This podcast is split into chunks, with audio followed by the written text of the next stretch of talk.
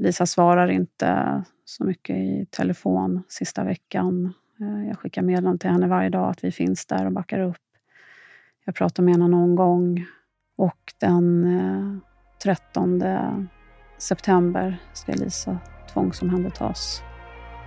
Men hon dör på natten den 12 september.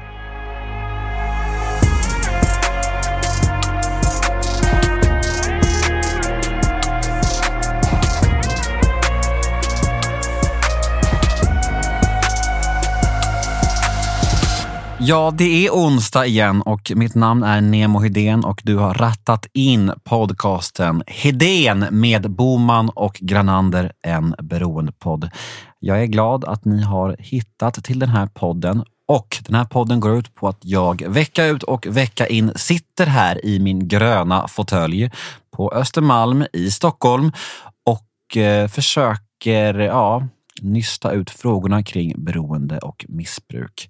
Ibland sitter jag här med mina kollegor och vänner från The House Rehab, Felix Granander och Robert Boman. Och då kör vi lite temasamtal i saker som berör medberoende och beroende. Och ibland sitter jag här ensam med en gäst och då är det vanligtvis så att jag får lyssna på en livshistoria och så är det idag när jag har bjudit in en kvinna som jag kom i kontakt med för drygt två månader sedan. Jag snubblade över hennes eh, dokumentär kan man säga, eller ljuddokumentär som hon har gjort om sin dotter. Jag var på semester i Turkiet eh, i två eller tre dagar ensam. Jag låg i en solstol och fick ett tips om den här, eh, ja, jag får väl kalla det dokumentär då, eller jag vet inte vad jag ska kalla det annars. Och jag lyssnade på den och jag blev väldigt, väldigt berörd och vi kom i kontakt efter det och jag kände att jag ville bjuda in henne till den här podden så hon kunde berätta sin historia om henne och hennes dotter. Och nu sitter hon här i fåtöljen bredvid mig. Jag vill säga varmt välkommen till Silla Spindeln. Tack så jättemycket. Hej! Hej! Hur är läget? Det är bra. Mm. Det är bra. Hur är det själv? Jo, men det är, det är ganska bra. Men eh, som du märkte så var jag lite uppe i varv när jag kom. Det var en stressig morgon här och jag fick ta om introt några gånger här. Det brukar jag aldrig få göra. Jag brukar sätta det direkt. Men nu var jag lite stressad och så och då gav du mig en andningsövning som funkade utmärkt. Och nu är vi igång. Yes. Ja. Hur var det egentligen sist när vi kom i kontakt? Skrev jag till dig eller hade du fått nys om att jag skrev någonstans om dig? Eller hur var det? För att dra från början. Jag stod vid min dotters grav och då var jag där med hennes kompis. Då berättade hon att du hade lyssnat på min berättelse. Mm.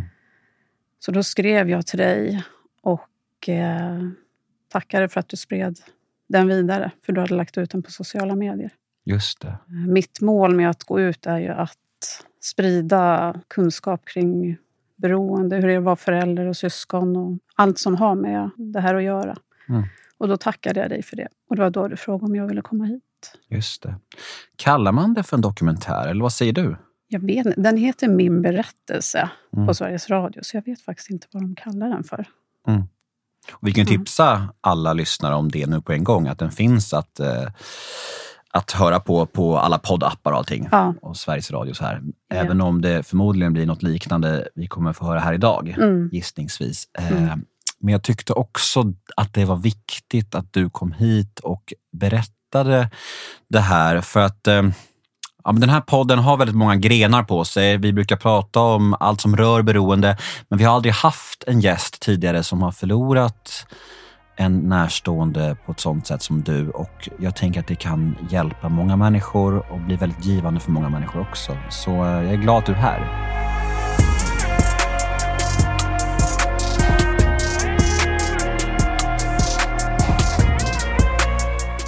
Om vi ska ta lite från början då.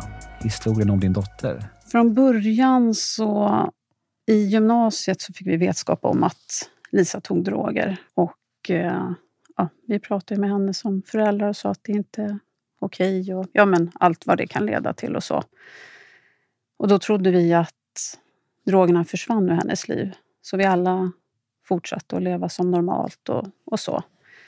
Sen tog hon körkort i eh, november 2015. Fortfarande är allt som vanligt i vårt liv. Hur ser er familjekonstellation ut då? Då är det så att jag har Lisa, och, eh, som är min dotter. Då, och eh, sen har jag Lukas som idag är 23 och Gustav som idag är 11. Mm. Så det här var ju 2015 då som Lisa tog körkort. Så då var hon, hon var 19 där tror jag. Mm. 18, 19 där. Eh, jag bor med min man som är Lisas bonuspappa. Mm. Så det är så som vi lever. Så vi bor tillsammans.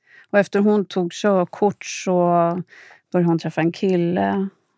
Och eh, det var väl inte så att hon flyttade dit så här, ah, nu ska jag flytta hem till killen. Utan ja, hon hämtade en påse i taget med saker hemifrån. Men hon eh, var där hela tiden.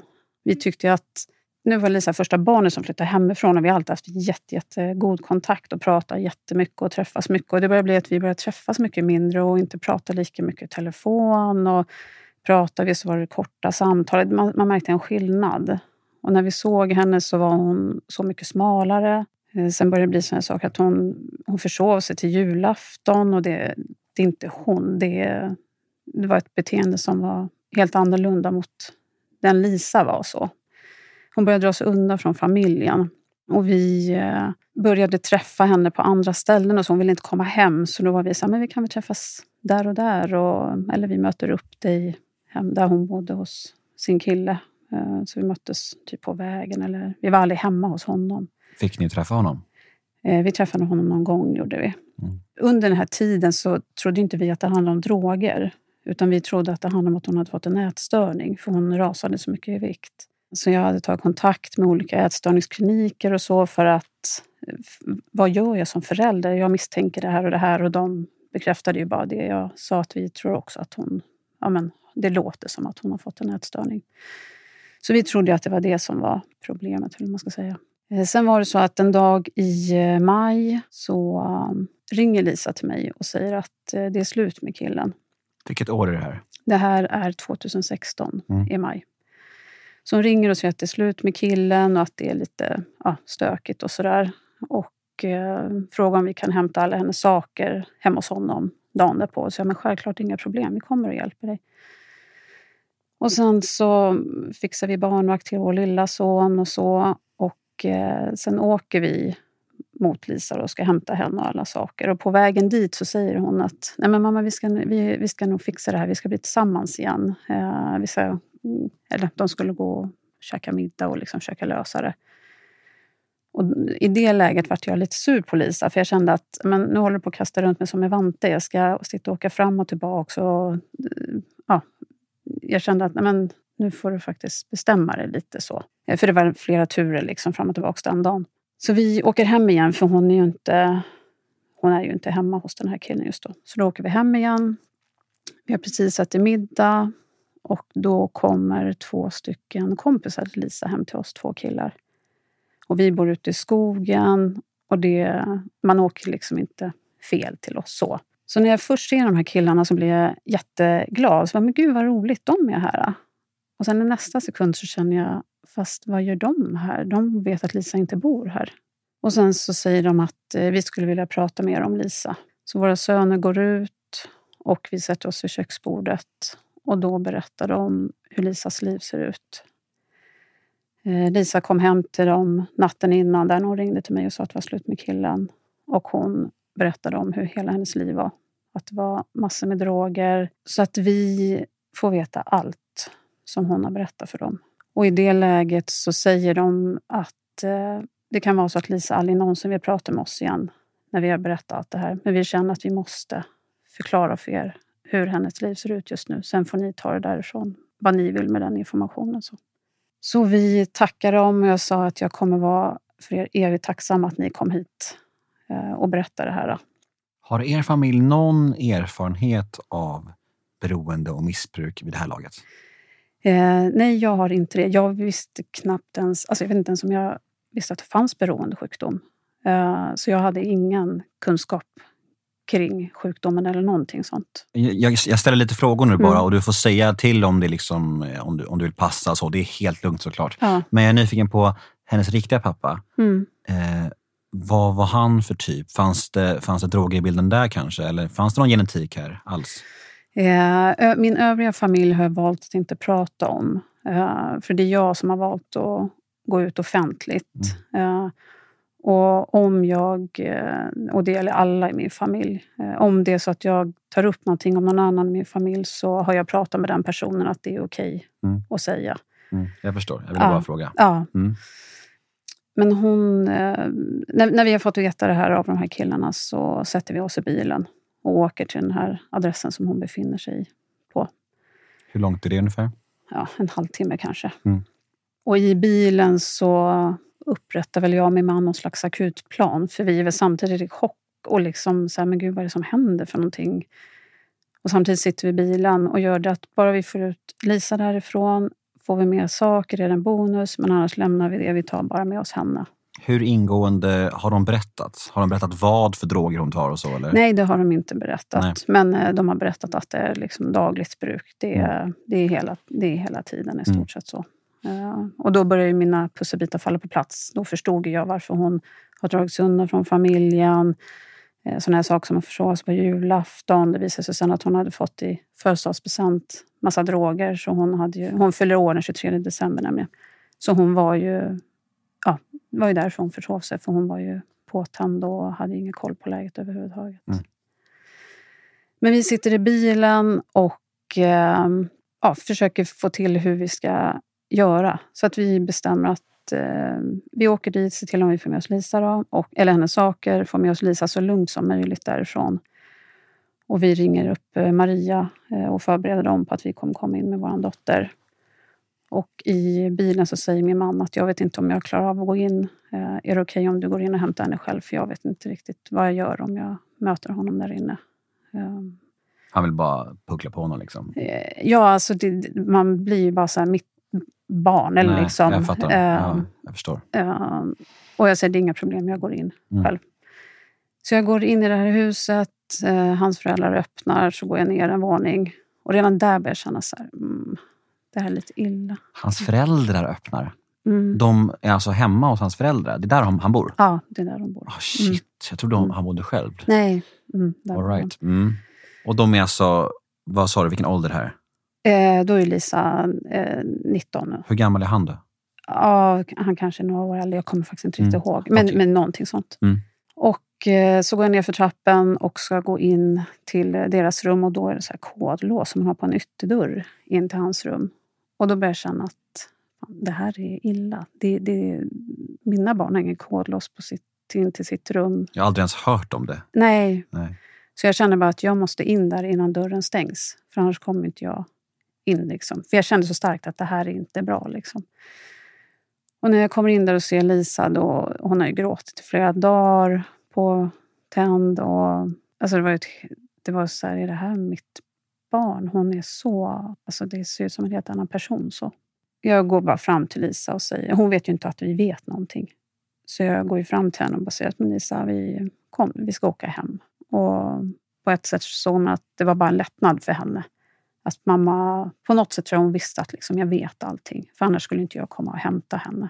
Och han är väl inte lika glad över situationen så han står och skriker till mig att jag beträder privat mark och står nära mig och skriker. Och han ska kontakta polisen och ja, allting sånt där.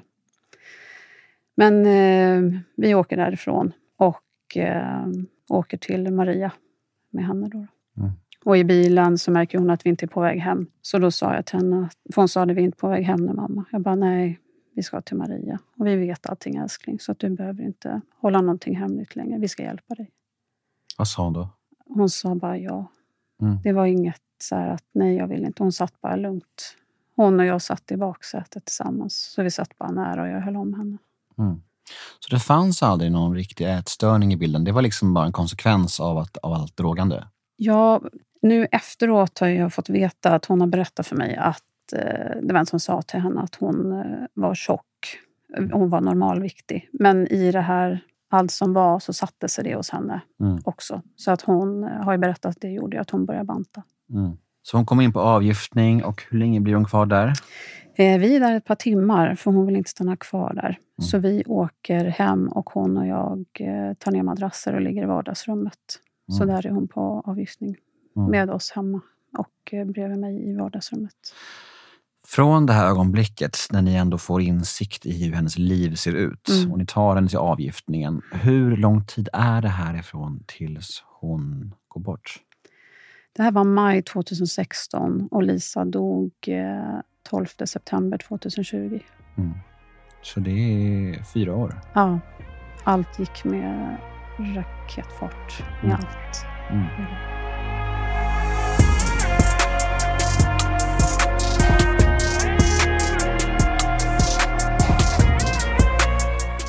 Om vi ska försöka ta oss igenom det ändå på något sätt. Hur ser tiden efter eh, avgiftningen där? När, du, när hon ändå förstår att ni vet och, eh, och förändras hennes inställning till allt det här då? Eller är det hon, hamnar hon direkt i skiten igen? Eller hur ser det ut? Eh, hon är hemma med oss hela tiden. Hon är ju liksom i ganska dåligt skick i det läget. Både psykiskt liksom och ja, kroppsligt. Hon är ju väldigt smal. Men då är det som att drogerna försvinner ur hennes liv just då.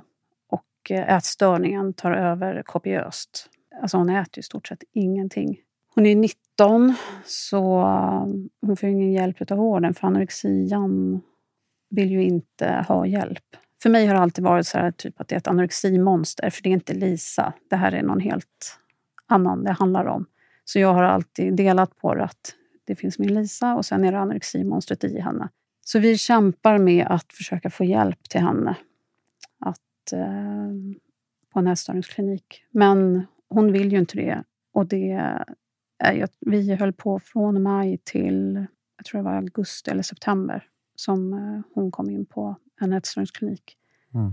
Och hon var först på... Vissa behöver ju man vara på ja, med fri vilja. Hon var där ett tag, några veckor kanske. Men sen ville ju inte hon längre. Och lä- läkarna var ju så här, ni har det riktigt kämpigt just nu. För hon ville bara hem. Mm. Det som är så lurigt med eh, både anorexi och även beroendesjukdomen. Det finns ju så många likheter här. Mm. Eh, det här att det är liksom en dödlig sjukdom Mm. som många inte ens vill ha hjälp med. Nej. Alltså, Mm. Det är det som gör, gör det så jävla komplext och sjukt. Alltså, har, du, har du cancer, men då vill du ha, oftast ha cellgift. Liksom. Ja. Eh, så, så är det ju. Det är, liksom, det är enligt naturens alla lagar. Man vill ju ha hjälp. Liksom. Mm. Men med de här sjukdomarna så, så är det inte så ofta. Det är Nej. det som gör det så otroligt svårt att eh, behandla och ta emot hjälp och ge dem hjälp. Mm. Tvinga folk att bli hjälpta, det är ju... Ja, det går ju nästan inte. Nej. Och sen när man inte får... Det var ju vid ett tillfälle när vi var på en ätstörningsklinik som hon då inte ville ha kvar på. De läkarna skickar en remiss till akuten. Och vi eh, åker dit med Lisa. Och jag går ju dit som mamma och tror att Gud, nu ska hon få hjälp. Läkarna på den här ätstörningskliniken vet ju Alltså hon behöver verkligen hjälp och de har skickat remiss. Jag trodde att nej men nu, är det, nu är det klart. Nu kommer hon liksom Mm. bli inskriven någonstans. Men den läkaren säger bara till Lisa att eh, nej men sök hjälp. Det här var på helgen. Sök hjälp på måndag. Och det är ju det sista som i min värld anoreximomonstret kommer göra. Mm. Det kommer det ju aldrig göra. Jag var helt galen på den läkaren. Det är exakt samma som, som i beroende. Ja. När man har ett fönster av liksom villhet. Mm. Att då säga till den Mm. personen så här, ja men om några dagar kan vi träffa dig. Då är det Mm. fönstret stängt. ja, nej det finns Det inte. går inte. Nej. Och jag blir så jävla provocerad när jag hör det här. Alltså, att, det, att det får vara så. Det är ju det är sånt jävla tjänstefel. Och att, det inte, att de inte har kommit längre. Alltså den vården inte, inte har kommit längre. Mm. Att de vet att de här fönstren är så små. liksom. Mm. Usch. Ja. Ja, och då, då är det, alltså, det går inte att ta miste på hennes kropp. Hon är ju så smal, kritvit i ansiktet. Hon har ju tappat hår för att hon har sån näringsbrist och stress i kroppen. Alltså, det går inte att misstolka att hon, att hon har anorexia. Men ändå inte. Och det är en sån frustration som förälder att inte få hjälp. Mm. För då fick vi åka hem igen. Så fick vi fortsätta och stånga oss blodiga. Och hur såg den vardagen ut? Den vardagen bestod av eh, ganska mycket bråk. Eh, jag hade inte så mycket kunskap kring anorexian i början. Eh, så jag var ju frustrerad över att vad är det som händer egentligen? Varför kan hon inte bara äta? Varför kan hon inte bara dricka ett glas juice? Eller en halv... Alltså hon, hon åt ju ingenting. Och man blir ju så rädd när man står där när man ser att ens barn försvinner mer och mer ifrån sig. Så det var samtidigt mycket kärlek och liksom vi finns här för dig. Och, ja, försöka hitta nya vägar. Hade hon någon som helst sjukdomsinsikt vad gällande anorexian? Förstod hon vad som hände? Liksom? Eh, inte som jag kunde se, sen kan inte jag svara helt för Lisa. Men det var ingenting hon sa eller så. Eh, och hon var ju alltså hon var så smal så att inga kläder hölls uppe på kroppen. Alltså allt, byxor, allt bara åkte av för att hon var, det var typ skelett och ben. Mm. Var hon. Mm. Uh, men till slut så får ju vi uh, hjälp. Jag lyckas få en tid. Det är så att när vi är på det här sjukhuset, på akuten, så är det när läkaren då där skickade hem henne och söker hjälp på måndag, så är det personal som har varit där. Och eh, jag tänker att jag måste ringa upp det här stället för någon måste ta ansvar för mitt barns liv. Så jag ringer upp till det här stället för att få tag på den här läkaren och förklara för henne att om mitt barn dör nu, då det, ligger det livet på dina axlar. För vi har försökt att få hjälp och du har skickat hem henne. Men när jag ringer dit så är det eh, en sköterska som svarar. Och eh, det var hon som var där när vi var där med Lisa. Och hon sa att ni inte fick hjälp, är, för, kunde inte hon förstå. Så hon sa, ge mig en halvtimme och sen så ringer jag upp dig. Och då hade hon eh, ordnat en läkartid. Så då kom jag dit med Lisa och det slutar med att hon blir inlagd på psykiatrin. Mm. Så hon blir tvångsinlagd. Och hur ser det livet ut då? Och hur länge blir hon kvar där? Och, och blir det bättre då en period eller? Hon eh, är ju på psykiatrin, tvångsintagen i en miljö där hon var jätterädd. Hon är bara där ett par veckor om jag minns rätt. Eller kanske bara någon vecka. Jag minns inte riktigt, men ett par veckor. Eh, jag är där mycket och hälsar på. Jag vet att vid något tillfälle ringer personalen också. Det är bra om du kommer hit nu, hon behöver dig för hon mår så dåligt. De lyckas ju inte få henne att äta där, för det är ju ingen specialistmottagning. Att lära någon att äta, det är ju på psykiatrin. Liksom så. så att eh, hon kommer till Södersjukhuset sen. För det är som fara för hennes liv, för hon är så lågviktig. Och där ligger hon i flera månader. De vill ju också skicka henne därifrån för de tycker att de kan inte hjälpa henne mer för hon börjar inte äta. Så att de tar, drar undan mig till ett annat rum och säger att vi måste skicka tillbaka henne till psykiatrin igen. Eh, de måste bälta henne och eh, tvångsmata henne. Bälta? Ja, för att sätta sond så att de skulle få i henne näring. Så sätter de en sån sond i näsan. Mm. Och när de säger det, det bara skriker hela min kropp att bälta fast henne på en brits. Det, alltså det, det är bara så ni, ni kan inte göra det här med mitt barn. Så jag ber dem att försöka att... Eller för det första säger jag, skicka inte tillbaka henne. Hon kommer bli mycket, mycket sämre igen. För att hon är livrädd när hon är där. Hon var lite lugnare när hon var på Södersjukhuset. Då hade hon eget rum. Hon hade ju vak varje sekund. Hon fick aldrig vara själv. Eh, så hon hade en personal hela tiden vid sig. De behåller kvar henne där och eh, hon börjar till slut att äta. Eh, så efter flera månader där så hamnar hon på ett till ätstörningsklinik där hon sen liksom lyckas att gå upp i vikt. Mm. Eh, så hon blir normalviktig. Mm. Så den här resan är från mellan typ augusti och januari, hela anorexiresan. Mm. Och när hon kommer upp till eh, normalvikt igen, mm. det måste ju varit en otrolig lättnad såklart för er. Mm. Kände du så att nu är vi safe då? Ja, då tänkte jag att ja, men nu är jag förstår ju att anorexian hänger kvar där i bakhuvudet. Liksom. Den försvinner ju inte från en dag till en annan. Men jag tänker att nu är livet som vanligt igen. Men drogerna hade du helt... Typ såhär, de var liksom, då, då kände du så att det här är, det är en icke-fråga? Liksom. Eh, ja, för under den här tiden fanns det inga droger. Nej. Hon men, var ju med oss dygnet runt och sen var hon ju på sjukhuset med någon dygnet runt. Men du tänkte liksom inte på att det, det kanske kommer tillbaka? Nej, nej. nej det fanns inte. Nej. nej. Så när hon blev utskriven därifrån så då löper liksom hennes liv amok.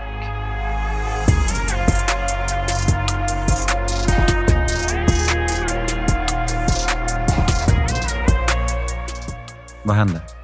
Eh, först bor hon hemma. Eh, sen så flyttar hon till någon kompis. Eh, sen är det att under den här tiden har ju inte Lisa gjort av med några pengar när hon låg på sjukhuset. Så under bara ett par månader så sprätter alla de pengarna iväg. Och eh, det är ju på droger. Mm. Jag gick in i hennes... Eh, hon hade ett litet hus på, ja, som hon bodde på tomten. Och både jag och min man kände att det är någonting som är fel, men jag hade ingenting att ta på. Vi frågade henne om hon hade börjat ta droger igen. Och hon sa naturligtvis att det har hon inte gjort. Och vi kände så här, men det är något som inte stämmer. Allt är ju liksom upp och ner i hennes liv. Sen sitter jag och min man på hans jobb. Vi har bestämt för att vi ska typ ha ett krismöte. Vad gör vi med Lisa? Det är, det är fel, men vi har ju inget att ta på. Hon säger att hon inte tar droger. Vi hinner sitta fem minuter på vårt krismöte på hans jobb. Då ringer Lisa.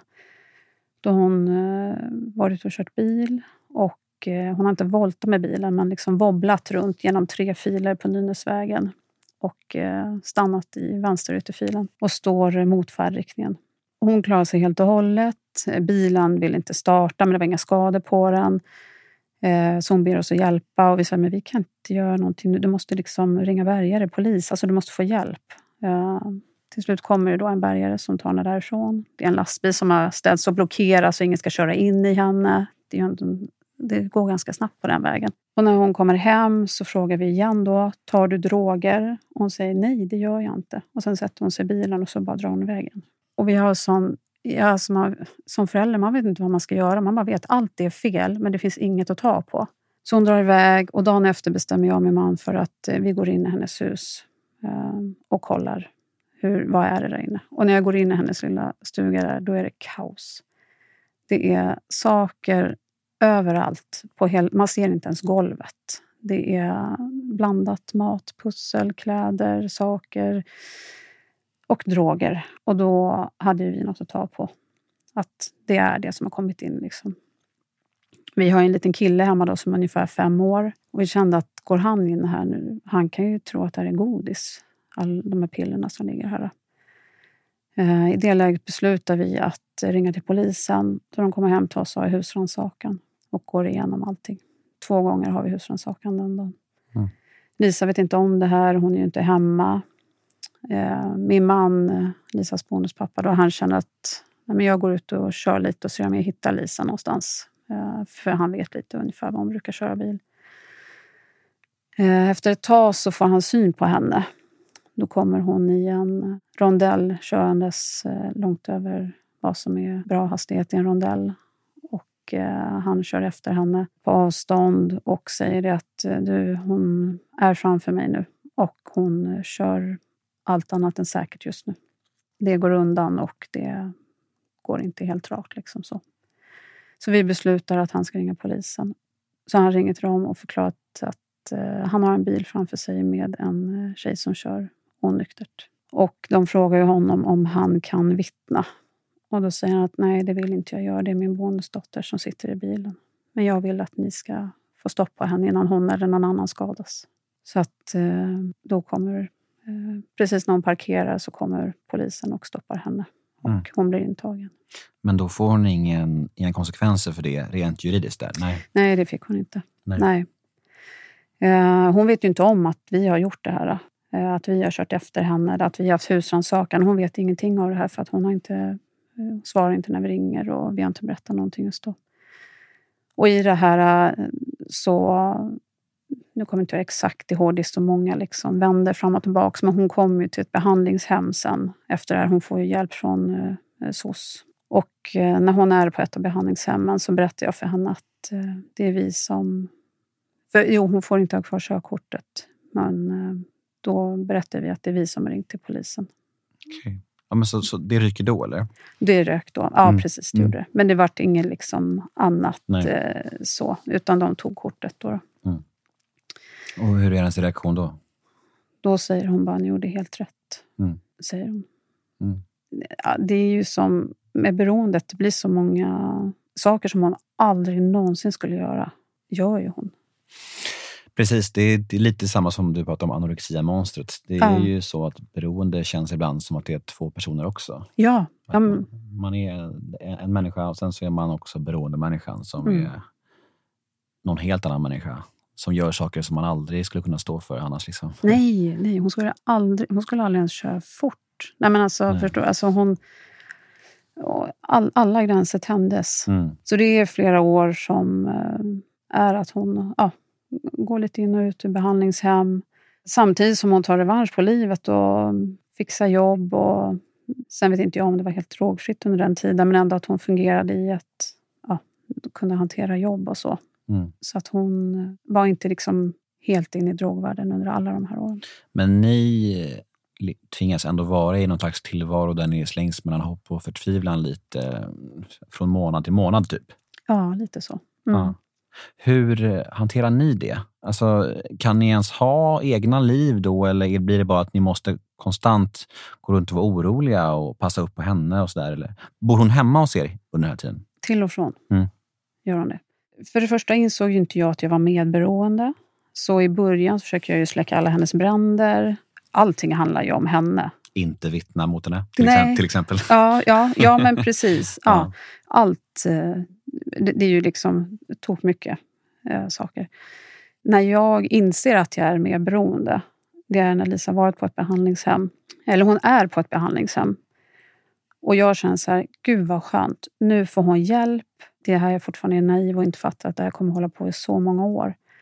Så jag tror att hon är på behandlingshemmet och jag går hemma och lever mitt liv avslappnat och liksom, nu får hon hjälp och jag släcker inte bränder. Hon och jag pratar varje dag i telefon och hon förklarar att det är så bra på det här behandlingshemmet och hon är ute i trädgården och påtar och vänt, längtar tills jag ska kunna komma dit och hälsa på, för det fick man inte göra i början.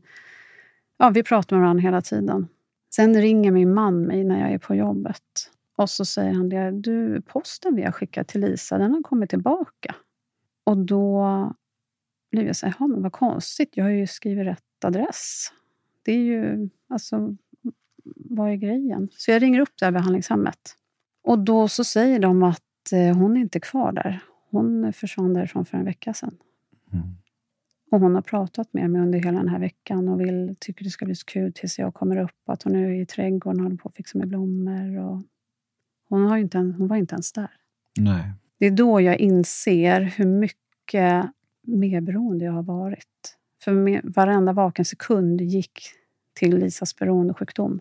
Och det förstod jag då. Så jag började ta hjälp av eh, så anhöriggrupper. Det gjorde jag även med anorexian. När jag hamnade i det här läget, när Lisa blev dålig med anorexian, så bestämde jag mig. Jag kände att nu behöver Lisa mig mer än någonsin. Och då kände jag att jag måste bli så stark i psyket som jag aldrig har varit. Så att jag började att eh, springa varje dag. Jag började dricka gröna smoothies. Jag började klä mig i eh, ett par svarta yogabyxor och en svart t-shirt. Det var det enda jag gick i för att känna mig typ jordad och alltså, bara bli stark i huvudet. Jag började läsa yogaböcker. Inte att jag gjorde yogapositioner, men bara för att vara här och nu och eh, bli så stark som jag aldrig varit i huvudet.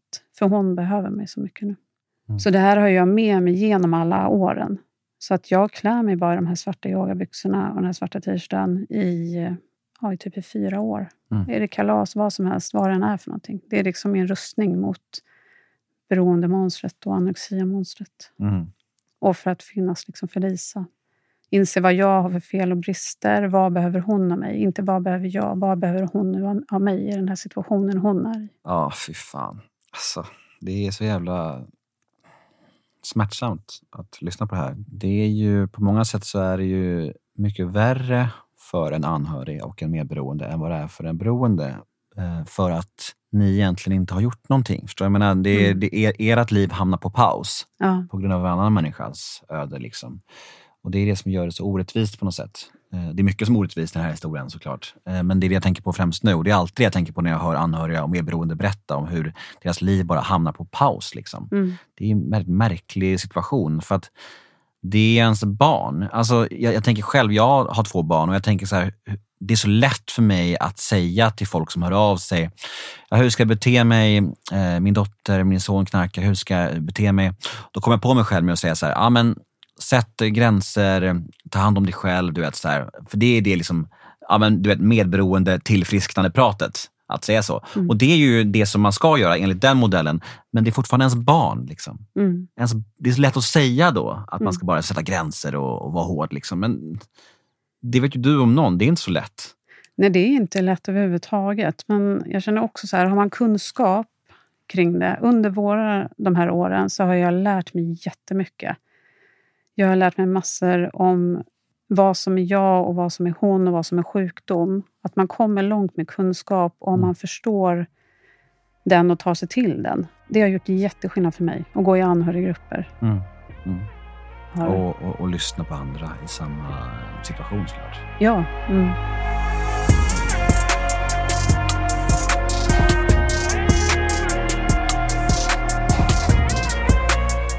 Sen då, vad händer då? Hur, hur fortlöper livet då? Ni, eh, hon bor hos er ibland, Mm. in och ut på behandlingshem. Mm. Det är bättre perioder, det är Mm. sämre perioder. Mm. Men, eh, men eh, vad händer sen då? Har ni liksom, är det, är det, alltså, på det stora hela, blir blir det sämre då? Eller är det ändå så att det är, det är ändå bättre överlag i perioder också? Alltså mot slutet av, eller 2019 där, så tror väl jag att det är helt okej. liksom så. Men då visar det sig att hon hamnar i sällskap, har jag ju förstått nu efteråt, där det absolut inte är bra. Eh, vid det här laget så bor inte Lisa hemma. Hon bor hos en annan kvinna som heter Lotta, som eh, var helt fantastisk i Lisas liv. Och eh, hon blev som en extra mamma för Lisa när jag står och ska jobba så ringer de från Lisas jobb och förklarar att hon inte har kommit till jobbet. Så då ringer jag Lisa, jag ringer runt till kompisar, det är ingen som vet var hon är. Till slut så får vi tag på henne och då visar det sig att hon har försovit sig. Och det började bli massa såna här olika grejer igen. Så här, många saker. Hon skulle aldrig strunta i jobbet. Så det var en stor varningsklocka. Det blir så att vi är vid, det här som heter Lotta då, vi pratar med varandra. Och då visar det sig att hon berättar hur det är med Lisa, eh, det hon ser. Och eh, då bestämmer vi att vi ska ha ett möte med Lisa. Så jag, Lisa och tre kvinnor som har jobbat på ett behandlingshem som Lisa varit på kommer och möter upp oss. Så att vi sitter tillsammans med Lisa. Och hon är inte på ett behandlingshem då, utan de kommer ju på sin privata tid om man säger. Och vi sitter och pratar med Lisa och eh, förklarar läget, att vi finns här, vi hjälper dig, vi backar upp dig. Men eh, Lisa väljer att gå därifrån. Och efter det så blev det jättemycket kaos. Så hon hör inte av sig, hon svarar inte när man ringer. Till slut så kände jag att nej, men jag måste gå in på hennes jobb. Lever hon ens? Så hon jobbar i en mataffär, så sitter i kassan. Så jag går och hämtar en turkisk yoghurt, tänker att jag ska gå fram och betala kassan, fråga om Lisa jobbar. Och när jag går fram där och ska betala så frågar jag så, men jag tänkte bara höra, jobbar Lisa idag? Ja, då har inte jag sett henne på flera veckor, eller hört av henne. Och då så säger hon så här, ja men menar du, ja, säger hon namnet? Så jag bara, ja men precis, jobbar hon idag? Nej, alltså hon har slutat för flera veckor sedan. Hon kom aldrig tillbaka. Och då står jag där. Mitt barn har inte... Hon har slutat på jobbet. Och det är så långt ifrån henne. Det är inget hon ens har berättat för någon. Vi alla tror att hon går och jobbar. Så jag går och sätter mig i bilen och ringer till hennes pappa och till min man och förklarar läget. Och då är vi alla så här, okej, det är så illa nu. Hon hamnar i eh, det här gänget med killar och eh, ja, allt blir bara tokilla. Liksom. Sen så kommer vi till den en dag när hon ringer till Lotta, eller om hon skickar ett sms och frågar om hon får komma hem till henne. Och då är det ingen av oss som har vetat var hon har varit någonstans. Så Lotta åker och hämtar henne och tar hem henne. Och det här är Lisas sista vår då. Jag åker dit. Eh, Hon är en, några dagar eller en vecka hos Lotta. Jag minns inte riktigt. Jag åker fram och tillbaka mellan henne och, och hemma. Och till slut så kommer hon hem igen. Då. Hon vill inte visa sig i det dåliga skicket hon var för sin lillebror. Är det därför hon bor hos den här Lotta istället för er? Eh, nej, inte just då, men hon, eh, när hon kom hem, om man säger den här vändan, Mm. så ville hon inte visa sig för sin lillebror. För hon hade ju kört ett race med knarket i flera, flera, flera månader och Mm. var ganska tilltygad och tillrufsad. Så. Mm. Hur var er relation under den här tiden? Alltså, fanns det skäl till att hon inte ville vara hemma hos er? Var, var, bråkade ni mycket? Eller vad var... Nej, nej, hon höll sig undan för hon tog droger. Mm, mm. Ja, nej, gud, vi bråkar inte. Alltså ja, normalt som man gör, liksom. Mm. men inget liksom... Eh, vi har alltid haft en jättebra kontakt. Pratar jätteofta i telefon och, och så. Men jag har också hela tiden känt under den här resan, när den börjar med oss eh, med drogerna, så har jag hela tiden känt så här, måtte Lisa hitta någon som hon litar på och kan prata med. Sånt Mm. hon inte vill prata med mig om. För allt vill man inte prata med sin mamma om. Nej. Och då hittar ju hon Lotta, Mm. eh, som hon vart som hennes mamma. Liksom. Mm. Eh, men Lisa kommer hem. Jag hämtar hem henne och hon mår ju psykiskt jättedåligt i det här läget. Allt hon har varit med om i drogervärlden. Det är inte så att alla människor är snälla. SOS kommer in i bilden igen och hon ska få hjälp och så. Jag försöker få hjälp på beroendeakuten och få hem psykakutteamet och allt sånt där. Men det är som att stånga sig blodig. Jag vet när jag lämnade Lisa ena gången på beroendeakuten så skickade de hem henne med ett par tabletter att sova på. Mm. Och det här, men hallå, ni har en, liksom, en ung tjej, hon är 23 år. Kan inte hjälpa henne liksom något mer? Det är ingen så remiss till något beroendecenter. Eller, menar, så, ingenting att de hjälpte henne att slussa henne vidare. Utan bara, här får du piller, hem och sova. Mer knark, hem och sov. Ja, mm. ja, hon var helt däckad. Jag tror hon sov i 15 timmar på de tabletterna hon fick. Mm. Och det är så här, vad hjälper henne i det här? Sen förstår jag att hon måste vilja det själv också. Men det blir en sån frustration som förälder. Och Då kände jag att jag eh, måste göra någonting annat. När de inte fattar så måste jag steppa in som förälder. Så jag sätter mig och skriver ett brev där jag förklarar hur Lisa mår, hur hennes liv är och att de måste göra någonting. Så att vi, eh, hon åker in till beroendeakuten eh, igen och eh, när vi kommer dit så står vi där i Slussen och det här är under corona, så de säger att du får inte följa med in. Och så men det vet jag, men eh, jag vill att du gör det här. Sen stoppar jag där brevet i hennes hand, det är syrrans hand. Och säger det här brevet vill jag att du ger till läkaren och det vill jag att du gör nu. Ehm, och sen får jag gå ut därifrån. Men sen när läkarna läst det här brevet så ringer de in mig, att jag får komma in där och vara med Lisa. Och då skickar de remisser till eh, psyk och till eh, beroendemottagning. Mm. Hur lång tid är det från det här ögonblicket tills hennes liv tar slut? Ja, det är ett par månader. Mm. Några månader. Ja, tre kanske. Jag vet inte exakt, men någonting sånt. Hur ser de månaderna ut? Eh, hon kommer till ett eh, hem igen. Ett, eh, som jag och min man kör henne till. Där avviker hon efter ett par dagar. Och ehm, i det här läget så kommer hon hem och står utanför dörren hemma. Men vi har sagt till henne att du får hemma, vara hemma när du är drogfri. Mm. Precis som du säger, det här är jättejobbiga ord att ens säga till sitt barn. Men vi har ju en övrig familj att skydda i det här. Så hon eh, åker ju därifrån. Eh, vi vet inte vart hon är någonstans. Och eh, hon eh, ja, försvinner någonstans ute i Stockholm. Sen så står jag på en strand på Öland. Jag är där med familjen. Och då har jag inte hört av Lisa på flera dagar när hon har avvikit från det här hemmet. Säger att hon avvek på måndagen och att det här är på torsdagen. Någonting. Jag har försökt kontakta henne varje dag. Hon svarar inte i telefon och inte på sms. Det svaras på sms fast jag märker att det inte är hon. Det är någon annan som skriver meddelanden till mig och låtsas vara hon. Mm. För det är inte hennes ord. Så jag skriver att eh, under de här dagarna att jag tror inte att det här är du som skriver. Jag vet inte ens om du lever. Jag vill att du svarar när jag ringer, så jag vet att du lever. Men den här personen fortsätter skriva att men det är bra med mig. Och, men det är liksom inte Lisas ord. Jag vet att det inte är hon. Och sen så efter de här då, ja, fyra, fem dagarna så ringer hon mig när jag står på den här stranden. Eh, hon är påtänd. Eh, hon ringer aldrig mig när hon är påtänd, för hon vill inte att jag ska höra det. Men det är hon då och det enda hon säger, det första hon säger är bara visst ska jag inte gifta mig. Visst ska jag inte gifta mig? Ja, och då säger jag att nej, du ska inte gifta dig. Vad är det som händer? Och då säger hon att han säger att vi ska gifta oss. Och då säger jag att nej, du ska inte gifta dig Lisa. Vem är det som vill gifta sig med dig?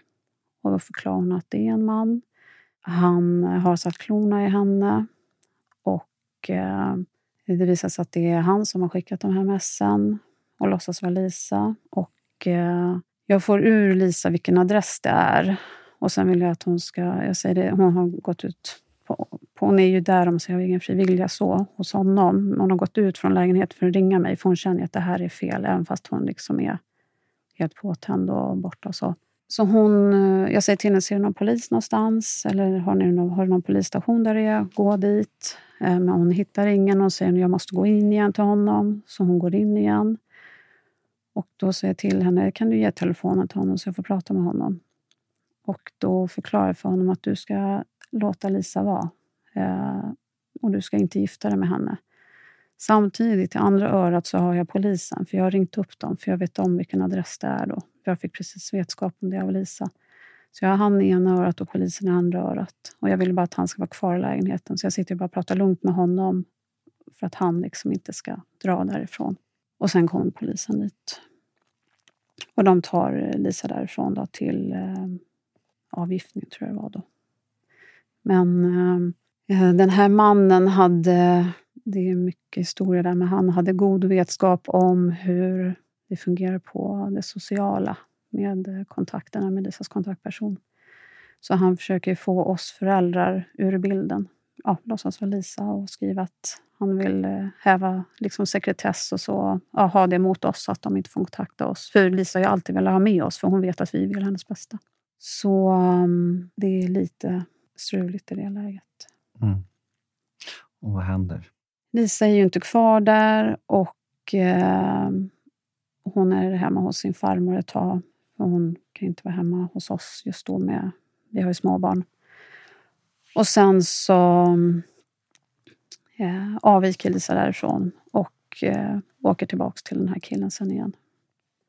Och vi eh, har kontakt med SOS hela tiden för att förklara läget eh, med Lisas kontaktperson och de har kontakt med Lisa. Eh, Lisa svarar inte så mycket i telefon sista veckan. Eh, jag skickar meddelanden till henne varje dag att vi finns där och backar upp.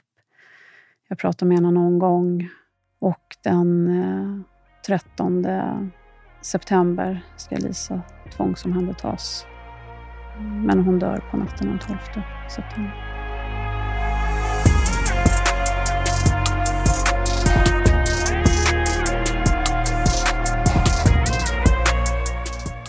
Vad är det som händer den natten? Var, är hon med honom då eller är hon själv? Eller? Eh, helt och hållet vet inte jag, men hon hittas ensam på en toalett i Stockholm. Mm. Och då, det är några väktare som hittar henne, så att de tillkallar ambulans. Eh, så de kör in henne till sjukhuset. Och eh, ja, de försöker hålla henne vid liv där. Och det är en överdos som hon dör av? Ja. Mm. Vad, eh, vart är du när du får beskedet?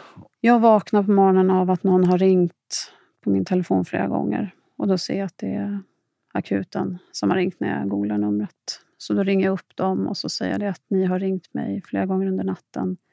Och jag tror att det rör min dotter Lisa. Mm. Och Då säger hon att eh, jag ska be att en läkare ringer upp dig. Och Då ringer han upp och förklarar att Lisa kom in till dem i natt väldigt sjuk och att det är bra om jag kommer in. Och då säger jag att jag bor inte med hennes pappa, ska jag be att han kommer in också? Och då sa han, ja det tror jag är bra. Så då åker vi in alla fyra tillsammans till akuten. Även om eh, hon har svävat eh, lite mellan liv och död ganska länge här, får man ändå säga, på, på ett sätt, så måste det ju såklart ändå vara en otrolig, ofattbar chock såklart. Alltså var det, jag vet inte hur man ska formulera det här, men kändes det alltså, som en total chock? Eller kände du också så här, det här låg i luften? Eller kan man sätta ord på det? Eller förstår du vad jag menar? När vi sitter där framför läkarna eh, och de berättar att Lisa har dött, då självklart, min kropp funkar som alla andra, så det är såklart att det blir chock för mig. Mm. Samtidigt så kände jag att det är det här jag har väntat på. För det, det är där vi har varit. Hon har tagit flera överdoser tidigare och hon var i den världen att det var så pass farligt. Så att samtidigt som det är så här chockartat så är det samtidigt det här som kunde komma. Mm. Så jag vet när jag sitter där att jag tänker att läkaren måste tänka att den här mamman är inte riktigt sina sinnesfulla bruk, vilket jag inte var heller naturligtvis. Jag har precis fått veta att mitt barn dog, men att jag sitter helt lugnt och bara... Ja, det var det här som jag har befarat i alla år. Det är det här jag har kämpat för. inte ska hända. Och någonstans förberett sig inför med allt jobb med dig själv på något sätt. Ja. På, något, på något konstigt sätt. Mm. Kanske därför du ändå kunde ta det utan att bli liksom hysterisk. Mm. Uh, om man kan säga så. Jag vet inte hur man kan, eh, om man kan prata om det här på något rätt eller fel sätt. Men det är väldigt svårt att formulera orden kring en sån här sak märker mm. jag nu. Mm. Du verkar ha gjort ett otroligt jobb med dig själv. Uh, och det hjälpte nog dig i det här läget tror jag. Jo, men det gjorde det. Det är, det är så mycket som jag har gjort under de här åren för att, eh, precis som du säger, att jobba med mig själv i det här. Och det har nog varit eh, till stor hjälp för mig i det vi har gått igenom. Hur tar man sig vidare då? För oavsett eh, hur mycket jobb man har gjort med sig själv så är det ju en, som sagt en chock. Det blir en tomhet. Det blir någonting som förändras för alltid. Mm. Hur, hur, hur går man vidare och hur har du arbetat med ilskan mot de här männen? För jag tänker att det måste också ha varit en del av ditt liv. Eh, när Lisa gick bort så sattes ju livet på paus. Jag, började, alltså, jag funkade ju inte. Eh, jag kunde inte äta, inte sova. Alltså hela kroppen sätts ju ur spel. I det här sen så kände jag att eh, jag vill lära mig mer om sorgen. Så att jag gick eh, en utbildning till sorgbearbetare och även att jag gjorde en sorgbearbetning på Lisa för att ja, få säga allt jag inte har sagt till henne. Och eh, med tiden, det här kunde inte jag göra direkt, för som du säger, man har, jag hade en ilska mot de här männen. Men med tiden så har jag även gjort en sorgbearbetning på dem och eh, det har hjälpt mig jättemycket. Kan du någonstans eh, känna acceptans inför det här och kan du känna att de här människorna, de här männen, är också sjuka? Eller, eller är det svårt för dig att nå ända dit? Jag, jag förstår att de har en, eller de, han, eh, han som hade god insyn i socialtjänsten. Eh, jag förstår att han har en beroendesjukdom. I den så kan jag känna att man behöver inte vara elak mot andra för det. Att försöka få ur oss, ur Lisas liv, är inget han hade behövt att göra. Det har jag fått eh, jobba med. Mm. Och allting kring honom. Kan du känna att du förlorade henne den här natten eller känner du att du förlorade henne långt tidigare? Eh, min riktiga Lisa förrådde ju långt innan så. För hon, eh, den hon var, den eh, alltså helt fantastiskt glada, goa tjejen som alltid gjorde saker med sin brorsa, hittade på saker med oss eller sina båda bröder. Hon var ju liksom försvunnen. Hon tittade fram lite då och då. Jag vet att jag första dagarna när Lisa gick, hade gått bort där så vet jag att jag kände att hon har kommit hem igen. Och det låter ju kanske jätte jättekonstigt för hon hade ju dött. Men det var ju på något sätt, kände jag just då, kände jag att hon är inte försvunnen. Vi har inte en aning om var hon är någonstans. Allt hon utsätts för. Och då, just då kände jag hon har kommit hem till oss igen. Mm. Och några månader senare så kände jag, hur kan jag ens tänka? Hur kunde jag ens tänka hon har kommit hem igen? För hon har ju dött. Mm. Så det är liksom en process med allting, med alla tankar och allt som sker. Och så. Jag är fortfarande i processer. Ehm, Jag har varit med några poddar tidigare där jag inte har nämnt de här männen, för jag har inte varit redo för det. Nej. Det här är första gången som jag, eller kanske andra, som jag går ut liksom mer så här. Mm. När jag eh, tog ett år som nykter och drogfri på ett eh, tolvstegsmöte så var flera av mina syskon där och satt där. Då min lilla syster hon delade då och då sa hon så här. Det känns som att min storebror har återuppstått från, dö från döda. Ja. Mm. Och det är lite det du pratar om där. Ja. Det är liksom de här ögonblicken som du berättar om. Då känns det som det. Mm. Så bara slits de ifrån en lika snabbt. Mm. Men, men för mig var det när min syster, sa, min liksom baby sister sa det till mig att, att jag hade varit som ett dött spöke liksom, Mm. så länge. Att hon liksom hade räknat bort mig på något Mm. sätt. Då var det så påtagligt liksom, hur omfattande det här är för alla runt omkring en. Det är, man drar ner alla i sin närhet i det här. Ja. Och någonstans så tänker man i sin naivitet att, ja men vad fan, låt mig vara, det här är mitt liv, jag förstör mitt liv, men ni behöver inte ha med det här att göra.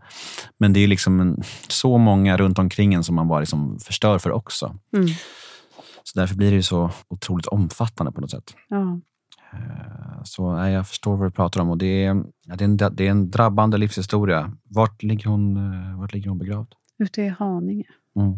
Mm. Du, vi ska hugga tag i ett litet segment som heter The House svarar, där jag och Robert Boman och Felix Granander svarar på en lyssnarfråga.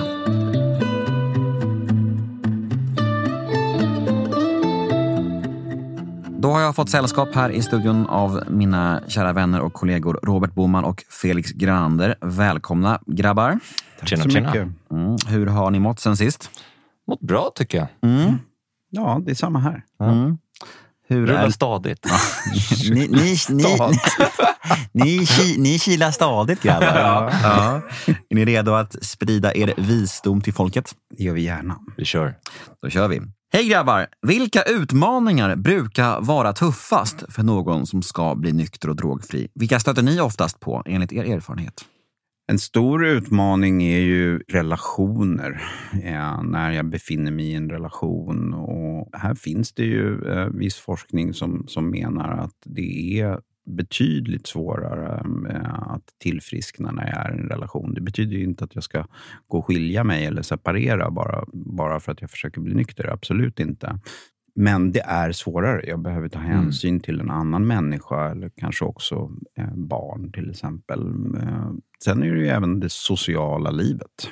Jag tänkte precis säga det också att när jag har jobbat med yngre så är det ofta ju liksom ett socialt, vad ska man säga, återskapande eller liksom, ja, som kan vara ett stort hinder när det kommer till att hitta sig själv i sociala miljöer med vänner eller hur man snackar med tjejer eller snackar med killar och hela den biten hur man för sig. Och att man har det som ett stort hinder just när det kommer till hur ska jag kunna leva ett normalt liv utan det här? Just för att det sociala i yngre åldrar är en så stor del utav det. Mm. mm. Ja, det är också min erfarenhet av just det här att alla, inklusive jag själv, var nog jätterädd för att bli ensam. Mm. Alltså ensamhetsrädslorna, för att man tror att ja, men det finns väl inga som jag och nu kommer alla ha jättekul och jag kommer sitta där ensam Mm. med mitt glas vatten. Liksom. Mm. Ja, men och det där är ju en svårighet och det här ser ju olika ut för, för olika personer naturligtvis. Vår, vår målgrupp, eh, så är det väl de här två sakerna som vi ser som det största problemet. Men, men det är ju också, precis som du säger Nemo, ensamheten. Mm. För många, många kanske bara har haft vänner som själva knarkar eller eh, dricker för mycket. Och, och här uppstår det ju då naturligtvis en total ensamhet, en rädsla för att ska jag sluta umgås med de här människorna. Och, Hur skaffar man ens nya kompisar vid det här laget? precis. Och när det kommer till ensamheten och lite som du sa där, nu kommer alla andra ha kul. Det är ju ofta som vi faktiskt har glömt bort ens vad kul är. Det är ju ganska många år sedan vi hade genuint kul och roligt ibland. Och det är därför vi i eftervården jobbar med något som vi kallar just livssafari. När det kommer till att återupptäcka livet, återupptäcka sig själva och hitta nya sociala miljöer eller aktiviteter. Och egentligen är det ju ganska sorgligt att vi förknippar kul med att jag ska hälla i mig massa sprit Mm. eller, eller droger. Att jag kan inte ha kul om jag inte Mm. gör det. Det är ju faktiskt väldigt, väldigt sorgligt. Och vi har pratat om det här tidigare. Att flirta med någon eller dansa Mm. eller vad det nu är. Gå på klubb. Liksom. Och, Och det var ju faktiskt en av de första grejerna Robert sa till mig i bilen på väg till eh, behandlingshemmet. Att det går att ragga nykter. Ja, ja, det går Det ju att gör göra det. det. Ja, Ja, det gör ju faktiskt det. det gör och, det. och, och just det här, att, ja, men just det här också att, att jag vet inte med er grabbar, men, men det här med att ha kul. Alltså, hade jag inte haft kul i min nykterhet, då hade jag aldrig stått Varför ut ska med- man stanna kvar ja, i sådana fall? Exakt, exakt. Hela anledningen till att tillfrisknande nykterhet är att vi har hittat något som är bättre. Ja, hade det inte varit bättre, varför ska vi fortsätta? Nej. Ja, men, och nu skrattade vi lite grann med, med att gå och ragga nykter, men, men i ärlighetens namn även här, det är ju ganska sorgligt att, att, att folk ska behöva vara packade Mm. för att våga flirta med, med någon. Mm. Ehm, och det är ju galet mycket mer attraktivt att vi kan stå nyktra Mm. och tala om för någon vad vi, vad vi tycker om eller vad vi ser och att vi Mm. faktiskt gillar någon. Stå i oss själva. Ja, Toppen! Då undrar jag som avslutning, vart vänder man sig då om man vill komma i kontakt med The House? Kommer du ihåg det Robban? Jag kommer ihåg det och det är till sandra at thehouserehab.com. Mm. Så finns det ett telefonnummer på hemsidan också som vi svarar på så fort som möjligt. Precis, och det är www.thehouserehab.com. Yes sir. Kanon, tack! Tackar.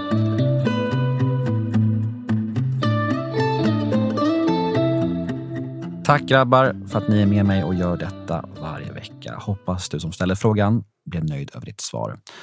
Och nu ska vi knyta ihop ännu en säck här. Jag sitter här med Silla och eh, har fått ta del av en livshistoria som både är djupt sorglig och smärtsam såklart, men också väldigt, väldigt fin och stark. Du vittnar ändå om att eh, livet går vidare och du har liksom gjort ett otroligt jobb med dig själv. Det, det hör man ju bara när du pratar om det. Liksom. På något sätt så, så har man ju inget val när någon, någon, något sånt här händer såklart, men jag tror många tänker likadant, att hur går man ens vidare? Hur gör man? Liksom så här, och, och hur, hur, ser din relation ut till den här händelsen idag? Så här, hur, alltså hur, vilken del har Lisa i ert liv idag? Um, för mig så lever Lisa inom mig.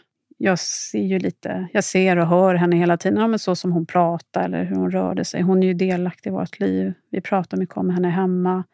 I början när hon dog så var det mycket alla de här mörka minnena som kom till mig då. Liksom allt illa som har varit. Nu är det mer alla ljusa fina minnen, alla skratt och all glädje och allt sånt vi har. Och sen är det naturligtvis vissa dagar är jättetunga. När hon fyller år den 23 december, det är ju, det är ju tungt för mig de dagarna. Eh, och det är alltid en person som fattas på middagar eller vad vi än har för någonting. Men eh, jag tror att det hjälper att ha en... För mig hjälper det att ha en acceptans kring det som har skett. Då blir det mindre stridigheter i mig. Att eh, så här blev det för oss. Mm. Har du tänkt mycket på varför? Har du grävt mycket i det? Så här, vad beror det här på? Varför just hon? Och liksom så här, vad gjorde vi för fel i hennes uppväxt? Kunde vi gjort något annorlunda så hon hade sluppit det här? Eller hur har du tänkt kring det? Ja, självklart har jag gått igenom allting. Vad kunde vi ha gjort annorlunda? Men jag tror, sen vet inte jag om det är sanningen, att, men att Lisa testade droger och hon fastnade direkt. Och det kan inte jag... Jag kunde inte ha värjt det. Nej. Och sen vet jag att jag har, jag har verkligen gjort allt för mm. att hjälpa henne att försöka komma ur det här. Mm. Ja, det måste vara otroligt svårt, tänker jag, när, eh, när det har gått så pass långt som du beskriver med Lisa, att veta hur mycket man ska involvera sig. Hur många chanser man ska ge, vart man ska dra gränserna. Ska jag hämta henne där eller ska hon förklara sig själv? Och allt det där, det måste ju vara en konstant svår avvägning. Ja, det är det. Och det har varit en trevande gång. Att när ska vi hjälpa och inte hjälpa? Och samtidigt har vi varit så att varje gång hon går åt rätt håll, då backar vi upp direkt. Mm. Då är vi där, när hon går åt rätt håll. Men det handlar om att städa upp efter henne, så då fick hon städa själv. Liksom. Mm. Jag är jätteglad att du kom hit idag. Tack för att jag fick komma och vara en röst för alla mammor och pappor där ute som kämpar. Mm. Jag är övertygad om att du är det och eh, jag är väldigt glad över att den här podden fick bli ett forum att föra Lisas minne vidare. Tack. Så eh, säger vi tack för idag och tack till alla er som lyssnar ute. Vi hörs igen nästa onsdag. Hej då!